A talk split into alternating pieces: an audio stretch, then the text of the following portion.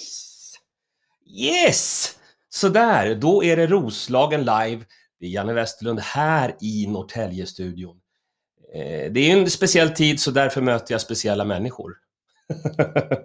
så är det. Innan vi sätter igång så ska jag säga då att det här presenteras ju utav enkomiker.nu. Man kan gå in där, läsa, titta och boka komiker. Kanske inte just nu, men sen i framtiden. Och sen ska jag också säga att man kan ju swisha på en gång. Det är så att numret är 123 678 4300. Märk swishen Janne Lamotte. Sådär då. Vi säger hallå i telefonen. Magnus Bettner. Hej, hej. Hej, vill du ha en applåd? Nej, det är lugnt. Saknar du, sa- saknar du applåderna? Ja, det gör jag fan. Eller, nej, inte, inte applåderna egentligen, men att få säga saker man har tänkt ut under dagen som har gått och eh, eh, allt runt omkring liksom. Eh, turnerandet, ja, jag saknar det fan eh, rätt mycket känner jag. Men åker inte du, eller nu kan du inte åka, men, men eh, när det var den här 50-regeln, då åkte du väl runt? Ja, alltså jag har giggat mer än någonsin i höst ju, eh, när man fick. Men eh, sen skulle ju liksom december varit kanon hade jag tänkt, men det blev det ju inte. Nej, det blev det fan inte. Men du, innan vi, vi drar igång det här, så bara för de som inte har koll på vem du är, du vet, det är ju här ute i Norrtälje, det är en del som bor i skogen också och precis, precis fått Mm. internet. När man ställer Mm. frågan, vem är du, vad säger du då? Jag fanns ju innan internet får man ju ändå tänka. Ja, det fanns det ju. eh, nej men jag är ju, eh, ja, jag har hållit på med stand-up sedan 98 på heltid. Eh, och är väl den som har turnerat mest av alla svenska komiker tror jag. Eh, om man räknar i både antal städer och antal gig så tror jag inte det är så många som är i närheten faktiskt. Nej, det, det tror jag du har helt rätt i, faktiskt. Men nostalgitrippar du just nu? För det gör jag. Det är, där, det är därför det här samtalet eh, äger rum. Ja, ska vi prata om svunna tider? Ja, gärna det. Det är ju mysigt faktiskt. Men jag har inte så mycket sånt i mig för egen del. Alltså jag, jag försöker hela tiden hitta nya utmaningar och eh, har ju liksom haft det som ambition med min stand-up hela tiden. Att också tvinga resten av branschen att skärpa sig lite. Eh, Vänta till du blir 50 så tar vi den här frågan en gång till. Det är då jag är snart nostalgi... Är det det? Ja, du är ju... Jag fyller 47 nästa år. Åh herregud, vilken gammal komiker. Ja, Jag hänger ju mest med unga komiker nu för tiden och försöker Mm, suga ja. ut blodet ur dem. Ja, ja, jag försöker också göra det. Det är ju så man håller sig fräsch liksom. ja precis. Men du, då, vi nostalgitrippar lite granna, för vi träffades ju... Ska jag berätta första gången, det första, mitt första minne utav dig? Ja, jag kan kontra sen för det är säkert inte samma. Nej, jag eh, var på Norra Brunn Mm. och det var bröderna Graf. Minns du det här överhuvudtaget, den här tiden? Gud ja, det var ju i så fall då 99 måste det Våren 99 var det förmodligen då. då. Det är mitt, det är mitt första, tänkte- och så, och så var det du, det var Thomas Järvheden, det var Måns Möller. Ja, Och vi så, gjorde en show eh, ja, på Norra Brunn och sen gjorde ju de en annan show som hette Jävla 70-talister tillsammans med Glans och Batra på Berns också. just det. Den, den kommer jag inte alls ihåg. Jag kommer bara ihåg bröderna Graf. Och att jag tänkte så här, vem är den där sura? Ja, det, vi, hade, vi hade väl lite olika approach till stand-up kan man säga redan då. Eh, vi, vi tre. hur, hur var din approach då, 99? Det var väl som nu fast sämre. Som Ja. var sämre.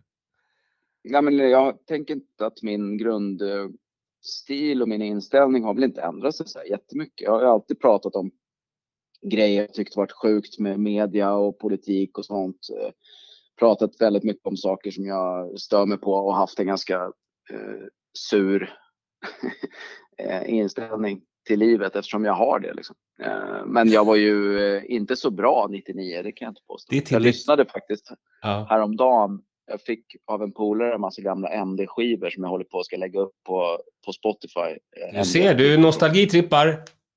Ja, lite kanske. Men det var, en del är ju riktigt bra faktiskt för att vara fan 20, över 20 år gammalt. Men, men mycket skäms man ju nästan över. Alltså. Men då ska jag berätta för dig att det som jag minns tydligast då från den tiden, när jag tänker så här på olika rutiner man har haft och så, du har ju skrivit ganska mycket. Men jag kommer aldrig glömma piggsvinet. Var det piggsvinet? Det runkande, runkande piggsvinet. ja, ja, som fastnade i trädet och fastnade i marken. Och jag skrattade gott. Ja, den var ganska kul. Den tror jag finns inspelad. Jag tror den var med på min första special som jag spelade in på Norra Brunn 2004. Då var nog den rutinen med tror jag. Så den kan man kolla på Youtube om man vill. Just. Och, och, jag tänkte bara då slänga in att, och sen när vi jobbade ihop sist, vilket var i början på det här året, typ. Eh, ja. Eller nej, också, har, men, men i alla fall då hade du en pingvingrej. Så jag tänkte, du håller dig i djurvärlden också. Ja. Du är inte bara ja. sur och arg. Du gillar djur. Nej då. Man ska inte vara rädd för, en, eh, för lite djur som knullar för att pigga upp stämningen. Det, är just de knullande djuren. Jag tror ja. att den här podden kommer heta just Magnus Bettner knullar djur. Det blir mycket, mycket likes och mycket grejer, va? eller? Ja, ja det är kanon. Du, en annan... Men ska jag berätta ja. när vi sågs första gången på riktigt då? Ska du berätta det? Ja. ja Shoot! Om du vill. Ja. För det var första gången jag gjorde stand-up överhuvudtaget. Så var det på eh, en gammal artistbokare som hette Svindlarsvasse. Som hade, eh, som hade en varietéscen på Kvarnen. Men efter det så flyttade han till en astråkig lunchrestaurang i Svenska Dagbladet-huset med sin varieté. Och där gjorde jag för första gången någonsin ett gig utan en massa rekvisita och grejer, utan bara körde stand-up. Och då var det du som var headliner. Och eh, bland, annat, bland annat din rutin om Läbbiga skogens MC. Just det. det var, Så var det. det, det var... Och, det, och det, det var alltså 97. Det var förmodligen typ september 97.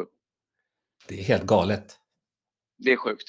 Det är det enda jag kommer ihåg från den kvällen, att, att du var där och hade en tuff skinnjacka på dig och pratade om Beaskogens MC. Ja, så hade jag hår också, tror jag. Eller? Ja, tveksam till det. jag, hade är inte helt säker på att det, att det är sant, men det kan, vi kan säga det. Det är ingen som kan kolla. Nej, det finns inget bildbevis. Men eh, okej, okay, vilket roligt minne. Jo, det var den här glas, det var en glasbur, eller hur fan var det? Alltså restaurang. jag tror det är någon restaurang där, jag gick förbi där härom, härom veckan. Det är någon restaurang där nu med som heter något annat. Så jag tror att den låg i den lokalen. Och då är det väl bara att det är skitstora fönster ut mot trottoaren. Liksom. Ja, just det. Svindlarsvasse, det var, det var inte igår. Vilket artistnamn. ja. Svindlarsvasse. Ja, ja. Det kom, och det var ju det var... Komikerklubben hette det. Ja, precis. Uh, hans, hans artistförmedling hette ju Komikerklubben. Ja, just oh, nu är det sån nostalgitripp. Ah! Där fick du riktig, riktig nostalgi. Ja, ja, verkligen. Men du... Ja, vad det var kul alltså. Ja. Jag hängde ju skitmycket på hans eh, kvarnen där när Gert Fylking kom ner och blev skjuten i bröstet med luftgevärspilar och eh, någon, eh, någon skådis läste dikter och fakirer som stoppade nålar i kinderna och gycklargruppen Människorna var ju med jättemycket och gjorde sina nummer och så här. Det, det var helt fantastiskt.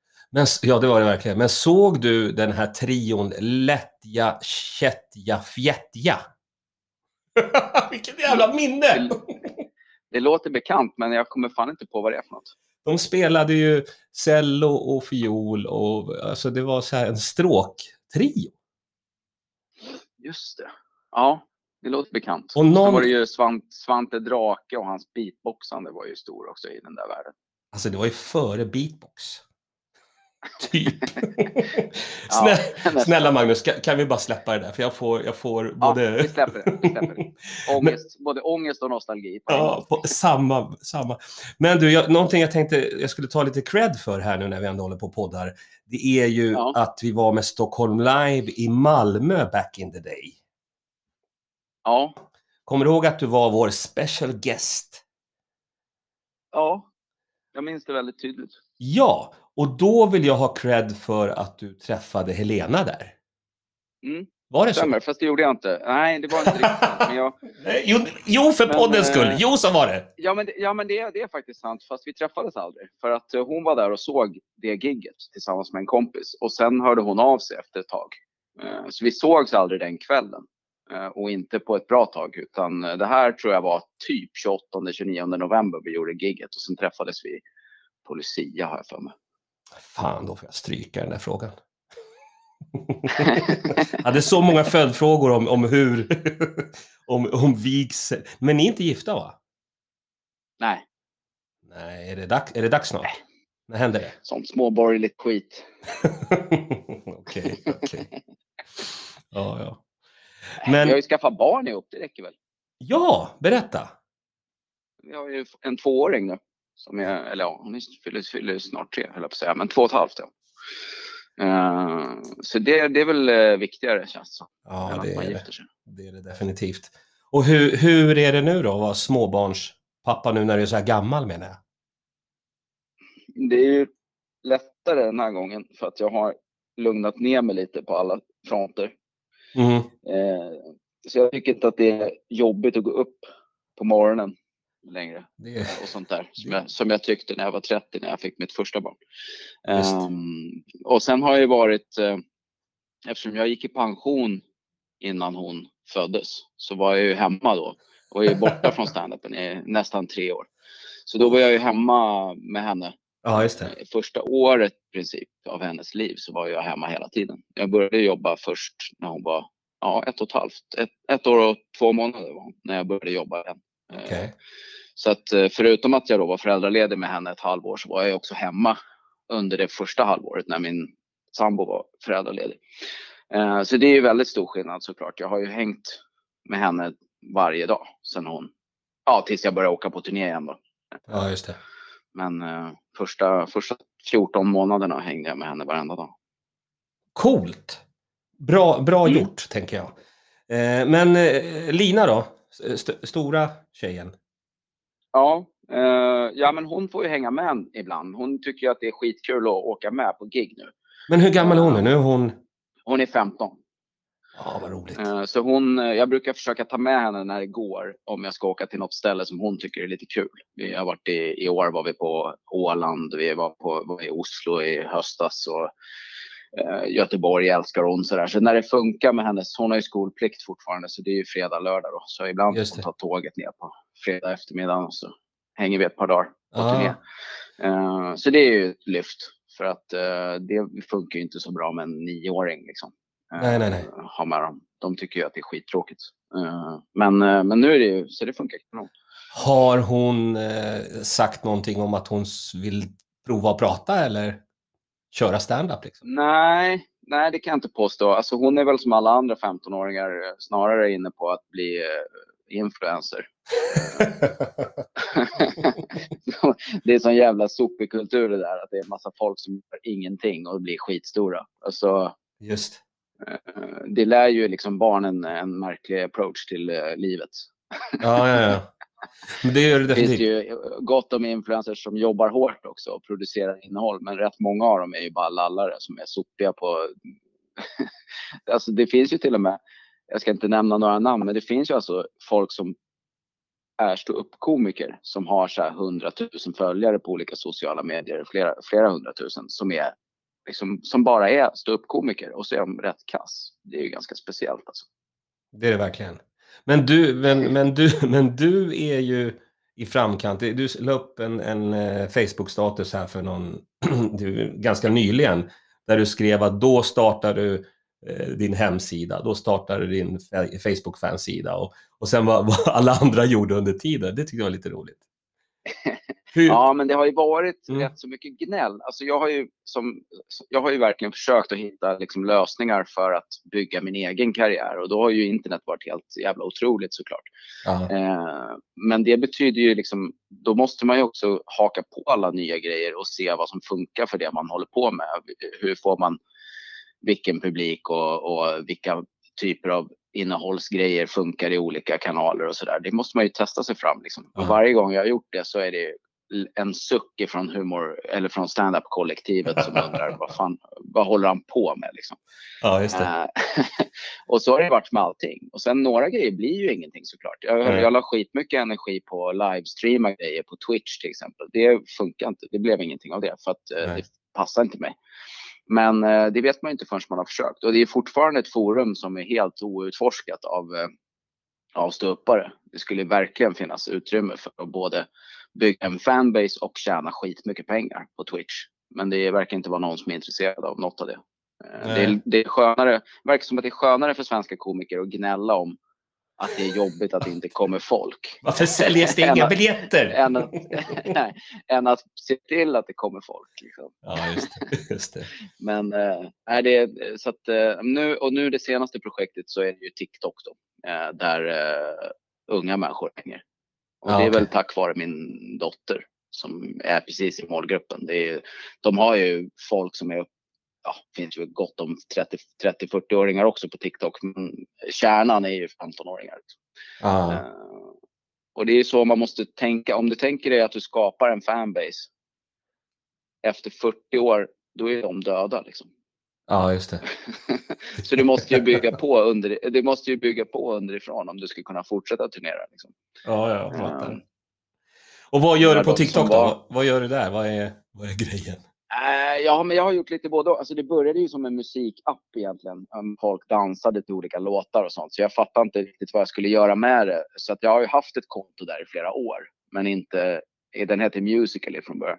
Ja. Eh, men inte, inte använt det för jag, det är liksom inte min, min grej. Men sen insåg jag att det borde väl gå lika bra som på Instagram eller Snapchat och ladda upp korta eh, humorklipp och sånt. Liksom. Så då började jag göra det och då gick det ju liksom från hade ju tusen följare bara för att ha mitt namn på kontot. Då. Sen när jag började vara lite mer aktiv så har jag ju eh, fått upp det till 10 000 följare nu på tre veckor. Right.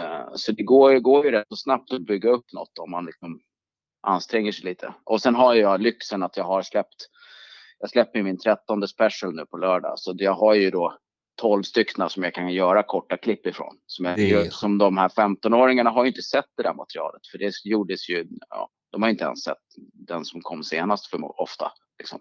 Tänk vad de kränkta de liksom ska bli, där-. Tänk vad kränkta de ska bli. De ska bli kränkta och upprörda. Är det målet? Ja, nej, det är ju inte, folk, folk blir ju inte det så ofta. Det är ju mest SD-röstare som blir kränkta. Eh, och religiösa då förstås. Men de, de är inte så högljudda längre som de var förr i tiden. Eh, Du vet att jag la det ut... verkligen, Ja, tack och lov. Du vet att jag la ut nu i, i, på Roslagen Lives eh, Facebook-sida att har ni några lyssnare, alltså lyssnarna, det, det är de som är de viktigare här, att har ni några frågor Ja. till Magnus och varje gång jag gör, om, om du ska komma till exempel till Norrtälje Comedy Club och gigga, jag lägger upp ett klipp där du kör stand-up och kolla nu kommer Magnus hit, vad kul va? Det är Mm. alltid, alltid sådana här människor som inte har någon profilbild som ska skriva till dig en fråga. Och nu har jag fått utav en profillös person på internet. Det här är ska jag frågan. säga frågan? Ska jag säga frågan? Ja, säg frågan. Är Sverige tryggare än någonsin? Ja. Ja. Ja. vad, är, vad är grejen med det där? Jag, jag, bara... Jag bara Jag gjorde, ja, men det är så här är det. Jag gjorde ett klipp 2015 så blev ju två människor mördade på Ikea. Och då, eh, eller de blev knivhuggna, jag vet inte om båda dog, jo kanske. Men skitsamma, jo det gjorde de. Eh, Mm. Då gjorde jag en video om det, där jag, för att Facebook exploderade ju i rasism, liksom, som gick ut på att vi har tagit emot så mycket invandrare så att man blir knivhuggen på Ikea. Då gjorde jag ett videoklipp där jag berättade att 2014, som då var statistiken för 2015, det är det lägsta antalet mord som vi har haft på typ 30 år i Sverige. Ja. Och, och liksom, Medan folk trodde då att det var tio gånger värre än någonsin. Så då sa jag bara det, att Sverige är tryggare än någonsin. Du behöver inte vara orolig. Och det där, helvete vad det tog skruv. Alltså, det är alltså snart sex år sedan och folk håller fortfarande på och tjafsar. Eh, om jag, om jag liksom hade fel, släpp det då och gå vidare med ditt liv. Det är inte första gången i så fall. Men det här är, var ju inte ens fel. Det är det. De har inte ens lyssnat på vad det handlar om. Liksom. Det är Ja. så jävla konstigt. Folk vill ju leva i en värld där, de, där, där det är livsfarligt och gängen håller på att ta över eh, förorterna. Liksom. Eh, sen vi som bor i förorten, vi ser ju varenda dag att okej, det kanske händer skit ibland, men det är inte så jävla farligt som folk tror. Jag fick en fråga här, utav, ut, här ute i Norrtälje utav Jan Emanuel. Han, han är ju här ute. Han Mm. och Hanif Bali och någon till skulle ha, skulle ha en eh, tryggare Norrtälje-grej. En debatt. Ja, jag såg det. Det var jättekul ju att eh, folk bara, det är ju jättetryggt här. Ja. Nej, men, och, och, då, nej, men, och då frågar mig så här, "K- skulle du kunna tänka dig att vara lite moderator här? Jag bara, trygg, alltså, är, det, är det otryggt här? Men, men jag är uppvuxen i, i Högdalen, Hökarängen och, och det här, så att jag har ju sett hur det kan vara. Så att ni får hitta någon annan som upplever den här otryggheten. För jag hade varit den sämsta moderatorn. Bara, Men det är väl ing... Vadå, det står tre alkisar där uppe, det är väl ingen fara? Men det var det som var så kul. Jag läste något reportage om det där. Där Mm. det liksom var, ingen som var där ställde liksom upp på deras bild på att det är otryggt i Norrtälje. För att så här, de bara, ja, ja men det är väl ganska lugnt här. Eller? Ja. Ja, ja. Jävligt kul. Jag kommer, inte ihåg vad, jag kommer inte ihåg vilken tidning det var som skrev om det. Men det var, läste Ja. om det häromdagen. Ja, Jag har kommit hem många ju- sena nätter här i Norrtälje och jag kan säga att nej, det är, det är ingenting. Det är lugnt. Nej. Min bild av Norrtälje är att man ofta är ganska ensam om man är ute och går efter 21. Ja, ja, ja. Och full. Eller det kanske bara jag. Jo, eh, du, nu ska vi gå på lyssnarfrågorna här. Eh, Ja. Och då har det förstås kommit en, en bästa och sämsta show. Bästa och sämsta skämt. Om du skulle Oj. eh, ratea din, din bästa show sådär, eller så, den där, då satt det. Vilken grej det var. jag skrev ju det till dig igår på någon, eh, när jag berättade om ett pissdåligt gig. Eh, att man kommer inte ihåg de bra giggen. Så det, det är ju inte så intressant. Eller det rinner ju bara av. Så här. Det är ju klart, när man går av scen så har man ju endorfiner och är liksom pumpad och tycker fan vad kul det där var. Det där var fan ett riktigt kanongig. Men det ligger man ju inte och kommer ihåg fyra Nej. månader senare. Men en riktig bombning, den kan man ju suga på i flera år. I flera år. ja. Och berätta om Alltså, den vi- riktiga bombningen. Var, det, var inte det på Skrattstock? När, det, det, var, det måste jag berätta. När, när du körde på Skrattstockfestivalen, en komikerfestival, det här var länge sedan. Då körde du ditt set och då kommer en man, han blir ju så provocerad. Det var innan man kunde skriva på internet, tror jag. Så han sprang Ja. upp mot scenen jag tänkte nu jävla händer det grejer. Men sen när han kom precis fram till scenen, för scenen var lite för hög så han kunde inte komma upp riktigt, han var ganska berusad tror jag. Då var han att blotta sig för publiken. Kommer du ihåg det? här? Just det. Ja, det var ju fint. Det har hänt. Så barn, barnfamiljer Ja. på eftermiddagen. Liksom. Det hade jag faktiskt glömt. Men det, det, var, men det var ju ingenting. Herregud. Alltså, jag har gjort så mycket, framförallt i, i Storbritannien. Du vet, man har varit på olika källarklubbar där det blir, och i, även i USA där det var det var ju nästan som att folk skulle slåss efter varenda gig när jag bodde i New York. Alltså. Oh. Eh, för där var ju allt var ju eh, känsligt för dem. Vi Ja, fick just inte prata om varken utrikespolitik eller Gud eller någonting när man kom som okänd svensk och höll på att kaxa sig. Det var ju, det var ju ofta som det var riktigt kaosigt alltså. Eh, och även i Storbritannien har det varit många gånger som det har varit riktigt urspårat. Liksom. Okej. Men eh, Men är det bara för att du kommer som svensk och, och du ska inte komma här och säga hur vårt... Och, och hem till ditt Ja. land, och, eller? Ja, men lite så är det nog. Framförallt i USA var det nog det. Men eh, i Storbritannien så är det väl mer att jag har gjort mycket sådana nattgig och sånt. Du vet, man går upp halv två på natten Ah. på, på, på scen. Det är klart att det inte funkar. Liksom. Det är ju inte tänkt att det ska funka. Oh, nej, Men, eh, men, men ofta så är det också så här. Eftersom jag i Sverige är jag ju igenkänd och folk som går på mina shower vet vad som kommer hända. Så det, så det är ju liksom ingenting. Jag, jag säger ju saker som jag inte hade kunnat sagt när jag slog igenom utan att folk bryr sig det minsta lilla. Så när jag kommer till England och jag är okänd, då är det som det var 99, för då blev ju folk också upprörda hela tiden. Liksom. Ja, just det. Eh, och det är ju lite mysigt att få ha det så igen. Eh, så det var det som gjorde att jag tyckte det var roligt att köra på engelska Du mycket. ser, Eh, men, där var det, nostalgitrippar. ja, men där var det ju typiskt också så här möhippegäng Ja. som gick på stand-up. Och då räcker det ju liksom att du säger abort. Sen är det ju kört.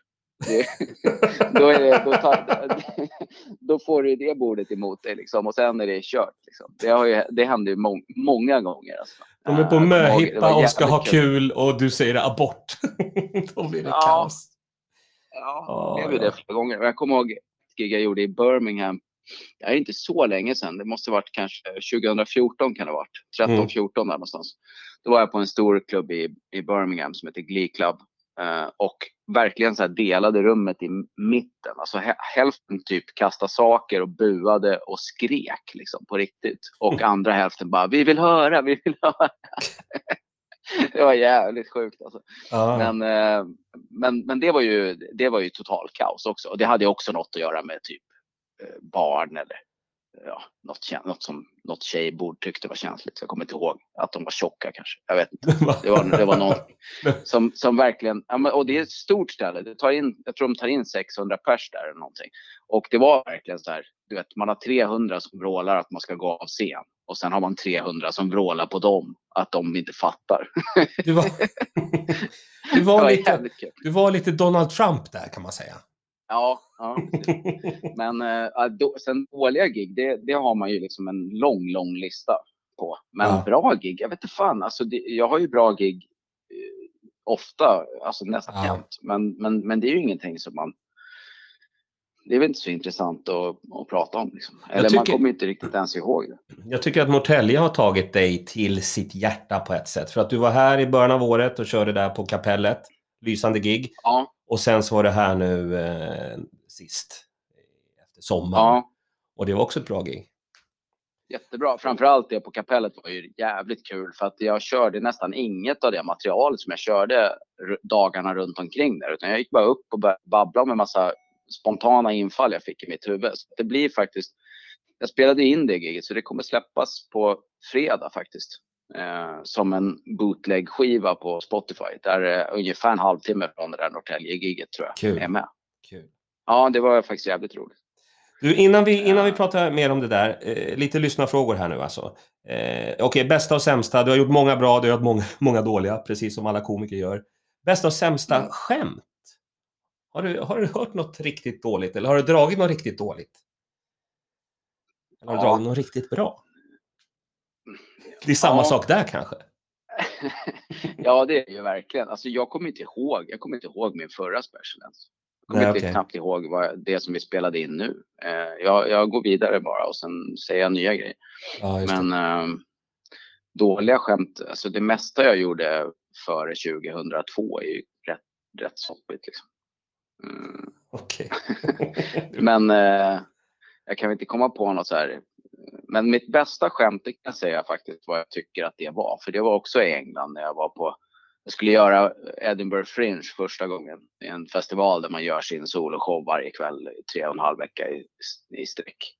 Och då jag giggade jag på en klubb som heter Stand som har fem olika venues på den här festivalen. Ja. Och då börjar de hela festivalen med en stor pressträff där de bjuder in hela brittiska pressen det här är stort i Storbritannien, så alla tidningar kommer. Liksom Daily Telegraph och The Guardian och alla de där, förutom branschtidningarna som också finns. Det finns ett par tidningar som bara skriver om stand-up. Liksom. Uh, så all, alla de är på den, på den här presslaunchen och så har The Stand valt ut ett antal av sina akter som får tre minuter var och visa det bästa de har. Liksom. Uh. För att tidningarna ska bli intresserade och gå och recensera. Och då, samma dag som det här var, så hade en, en kvinna tagit livet av sina barn och försökt eh, ta livet av sig själv eh, genom att stoppa huvudet i ugnen eller vad det var.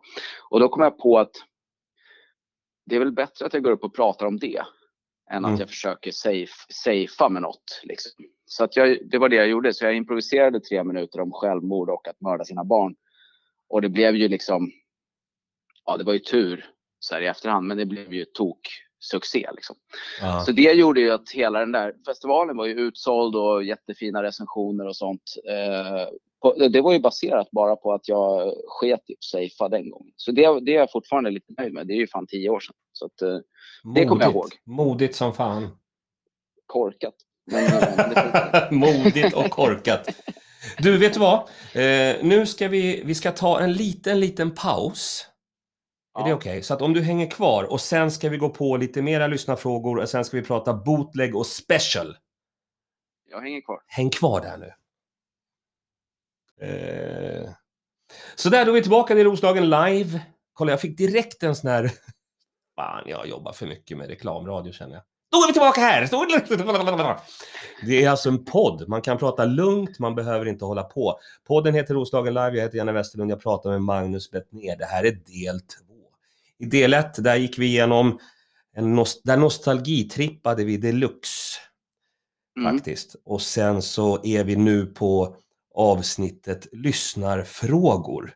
Men du av, avslutade det förra avsnittet med att berätta om att du var i England och gjorde dina bästa skämt där du pratade om att mörda sina barn.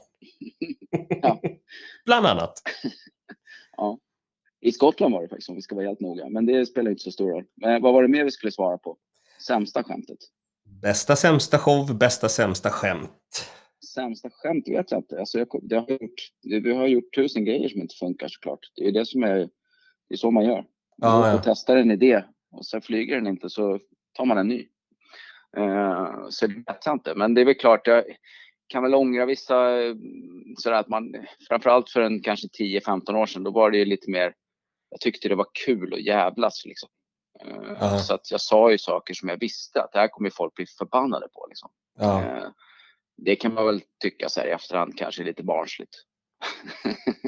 Ja, Men, men, eh, va- varför då? Har man den ådran att milt provocera ibland? Ja. Alla kan ju inte tycka lika. Jag hade så när jag var Nej. liten. Redan på roliga timmen. Jag kommer ihåg man fick, var ju kärnkraft, nej tack på den tiden.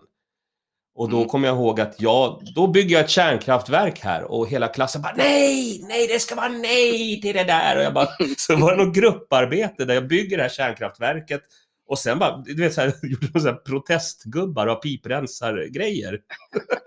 och jag fick bygga staket. Ja, jag får bygga staket runt. Det ska inte vara några här. Det ska vara kärnkraft. Så att jag tror att många komiker, tror du Magnus Bettner, att många komiker har den simma lite motströms-grejen och så, eller? Ja, så är det ju.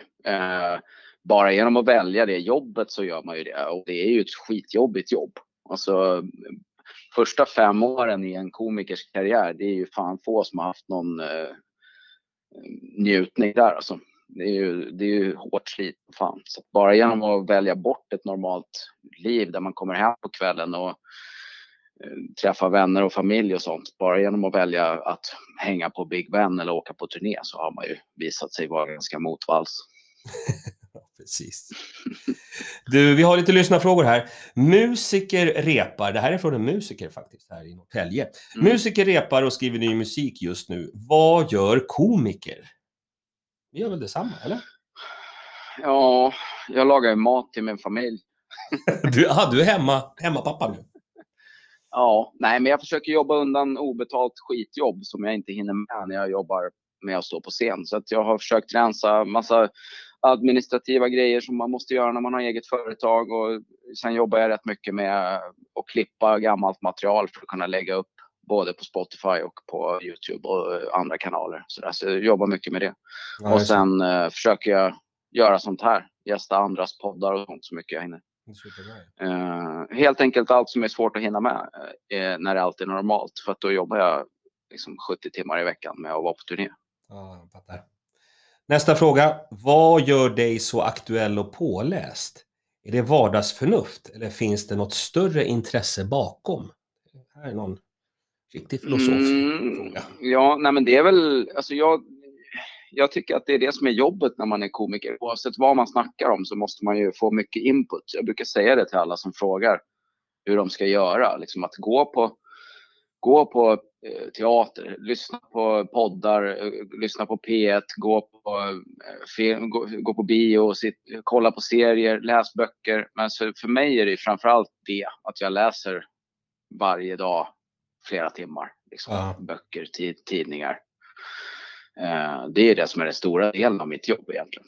Så är det ju att hämta in information i mitt huvud som jag sen skramlar ut när jag står på scen. Just det. Det är bra. Nästa fråga. Det är verkligen högt och lågt här. Bor du på Söder? Nej, jag Nej. bor inte på Söder. Jag bor i no-go-zonen. Jag förmodar att det är en sån typ av fråga. Som Mm. tror att alla PK-fittor bor på Söder. Men eh, den här PK-fittan bor i Hässelby, Vällingby, no-go-zon, Just det. eh, stadsdelsnämnd, eh, förorts eh, getto. jag fattar. Men det roliga är att fö- följdfrågan är så här. Har du varit med på Mello? ja. Nej, det har jag inte tyvärr. Nej, det har du Har du varit sugen någon gång? Nej, herregud. Lite pausunderhållning. Alltså- Lite där i pausen. Hallå hörni, jag tänkte på en sak. Det här med att döda barn. Nej, men, men jag tänker att de som tycker det där är så fantastiskt kul, däribland då till exempel mitt barn, Mm. de kan väl få ha det utan att jag kommer dit och förstör. Det har du helt rätt i. Så även om jag skulle få liksom en seriös fråga, jag har ju fått lite så här löst från olika tv-folk, skulle inte vara kul att vara med. Men, men om man, även om jag skulle få något mer seriöst så skulle jag säga eh, tack men nej tack. Eh, för, att, för att jag kan ju sabba stämningen på andra ställen. Behöver inte göra det just där. göra det i din privata sfär. Ja. Vi går vidare. Nästa fråga. Vem är världens roligaste människa? Ingen aning. Det, det är så får man inte svara. väl... Ja, men det, det är ju ingen komiker i alla fall, det kan man ju vara helt säker på. Alltså, man har ju roligast med sina andra kompisar eh, som inte försöker vara så jävla roliga hela tiden. Eh, men det är ju lite skillnad på att vara professionellt rolig och att vara rolig privat. Eh, så det är ju inte eh, särskilt ofta komiker är roliga privat, Ja. tycker jag. Jag försökte igår att berätta en rolig historia. Jag, eh, fråga mig inte hur vi kom in på det här, men vi satt, jag och, och grannarna här på Källgränd och jag försöker berätta den här roliga historien och sen bara mitt i den så bara ser jag hur deras ögon på något sätt bara dör. Och, och då, du vet, det här är killar i 30, de bara, vad fan gör gubben? Varför berättar han en rolig historia? Jag har aldrig känt mig äldre.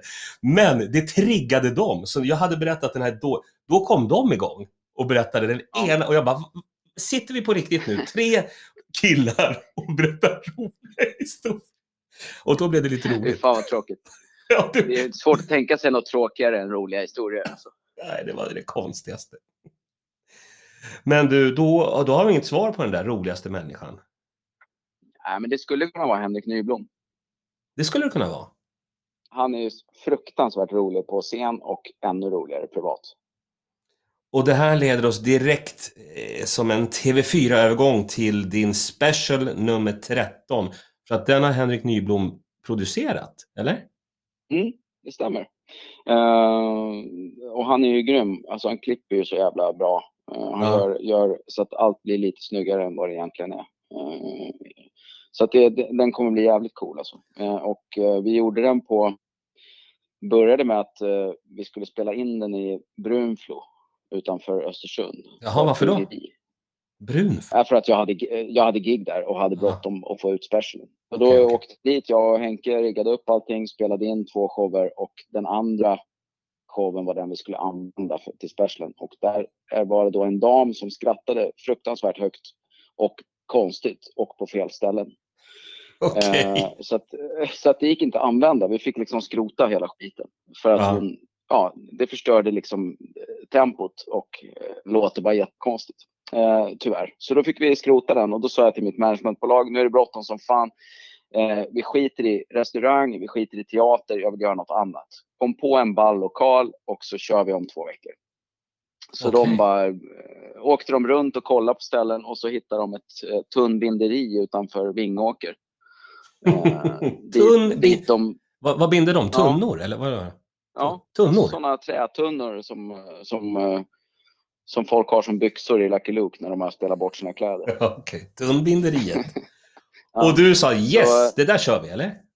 Ja, så det är sådana skitstora ekfat som de har lagrat eh, punch på, som är backdropen till gigget. Och så tog de dit en ljuskille som fick rigga upp ljus och bussade dit folk från Örebro och massa ställen eh, och eh, fyllde två gig som vi filmade av och eh, det blev svinsnyggt.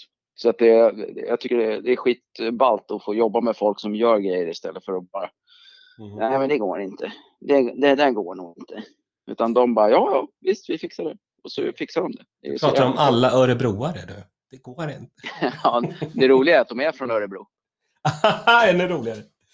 Ja, ja. Men okej. men, men, eh, nej, men, så det, det känns skitkul. Så det blir ju liksom min första riktiga stand-up special sen jag gick i pension. Eh, Jag släppte ju en precis det sista jag gjorde då innan jag la av med stand-up. Våren 2017 blir det då. Mhm. Eh, släppte jag ju en som heter Live på Skala. Och sen släppte jag ju en i början av året som bara är där jag sitter hemma och snackar. Just det. min bokhylla. Som ju inte riktigt kanske räknas som en stand-up special. Men så det här blir den första liksom riktiga på väldigt länge. Eh, och sen har jag väl tänkt att jag ska försöka hålla den här produktionstakten.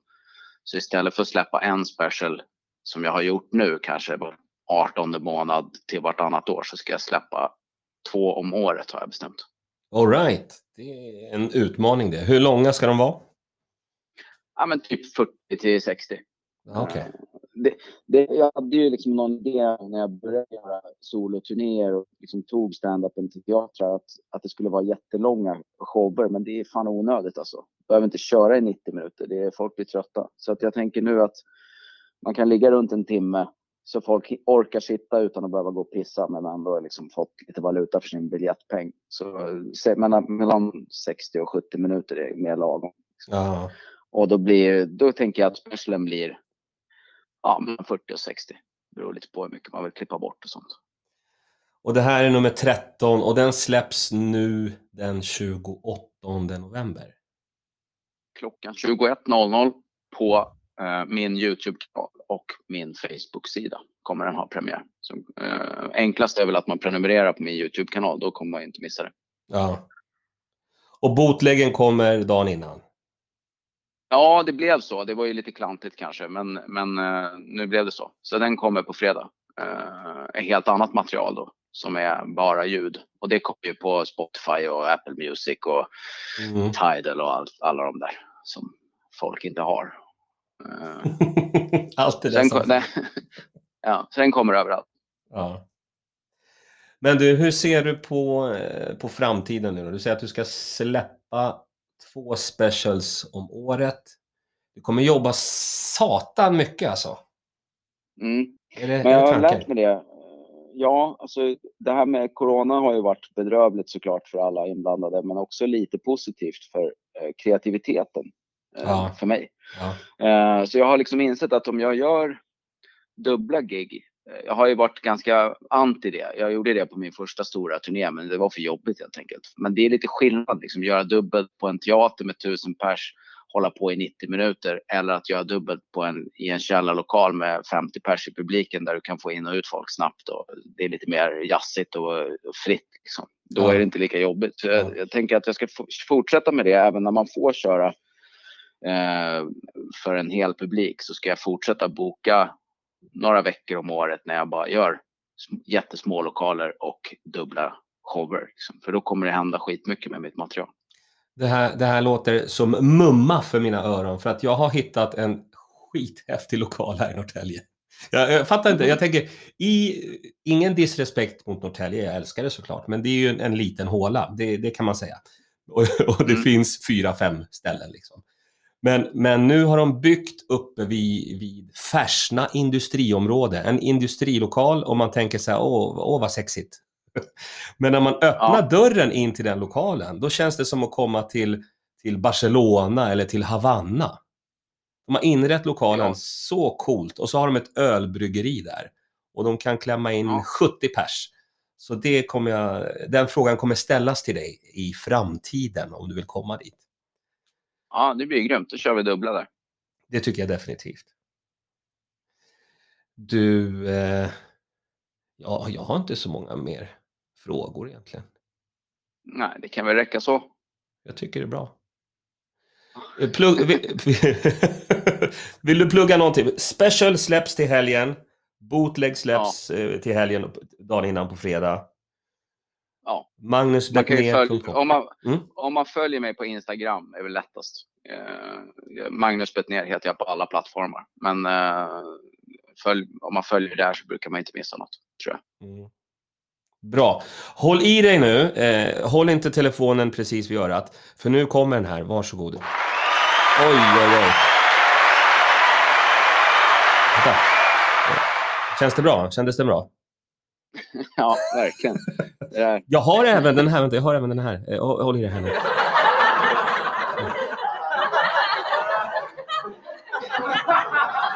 Den är lång. Det är två knappar på mixen jag var tvungen att trycka på.